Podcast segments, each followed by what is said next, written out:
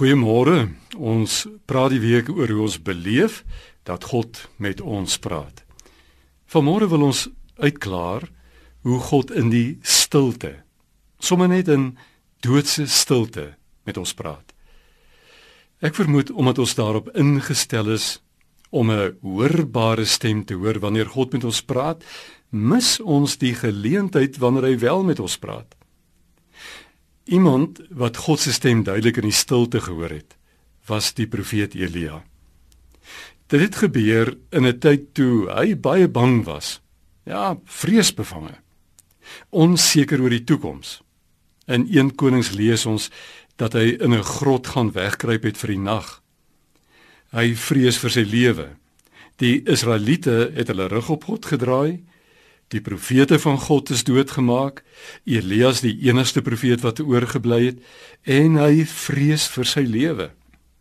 Toe roep God hom uit die grot uit. Gaan staan op die berg voor my, die Here, ek wil verbygaan. Elia doen toe wat God gesê het hy moet doen. En hy wonder wat God vir hom wou sê en hoe sou God lyk? 'n Baie sterk wind het die berg stukken geruk en die rotse gebreek. Maar God was nie in die wind nie. Hierna het 'n aardbewing gevolg, maar God was ook nie in die aardbewing nie. Na die aardbewing was daar vuur. God was ook nie in die vuur nie. Dit is eers toe Elia 'n fluistering in die windstilte hoor opklink dat hy sy gesig met sy mantel bedek het.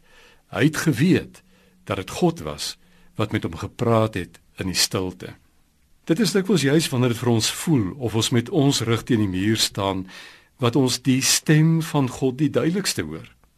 Dit is die tye wanneer ons onsself van die wêreld en al die druk wat die lewe op ons laai afsny.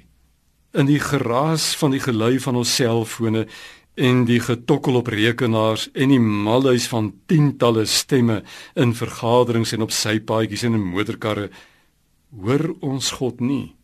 Die lawaai in ons koppe is soos daardie sterk wind en aardbewing wat rotse oopklief wat Elia beleef het. Maar God was nie daar nie. In die stilte hoor Elia die Here se stem. Toe Elia magteloos broos is, wou God hom herinner aan wie hy is, hy wat nooit verander nie. Dalk voel dit vir jou of jy vandag soos Elia in 'n grot wil gaan wegkruip om te oorleef. Tog roep God ons ook om uit te kom sodat hy ons in die donker tyd kan herinner wie hy is. Begeer jy om God se stem deur sy gees vandag in jou lewe te hoor. Maak tyd om stil te word. Wees oop vir die Heilige Gees om met jou te praat. Fokus en skryf neer wat jy hoor. Hierdie mag dalk die eerste stap van 'n nuwe avontuur saam met hom wees. Sterkte vir jou dag.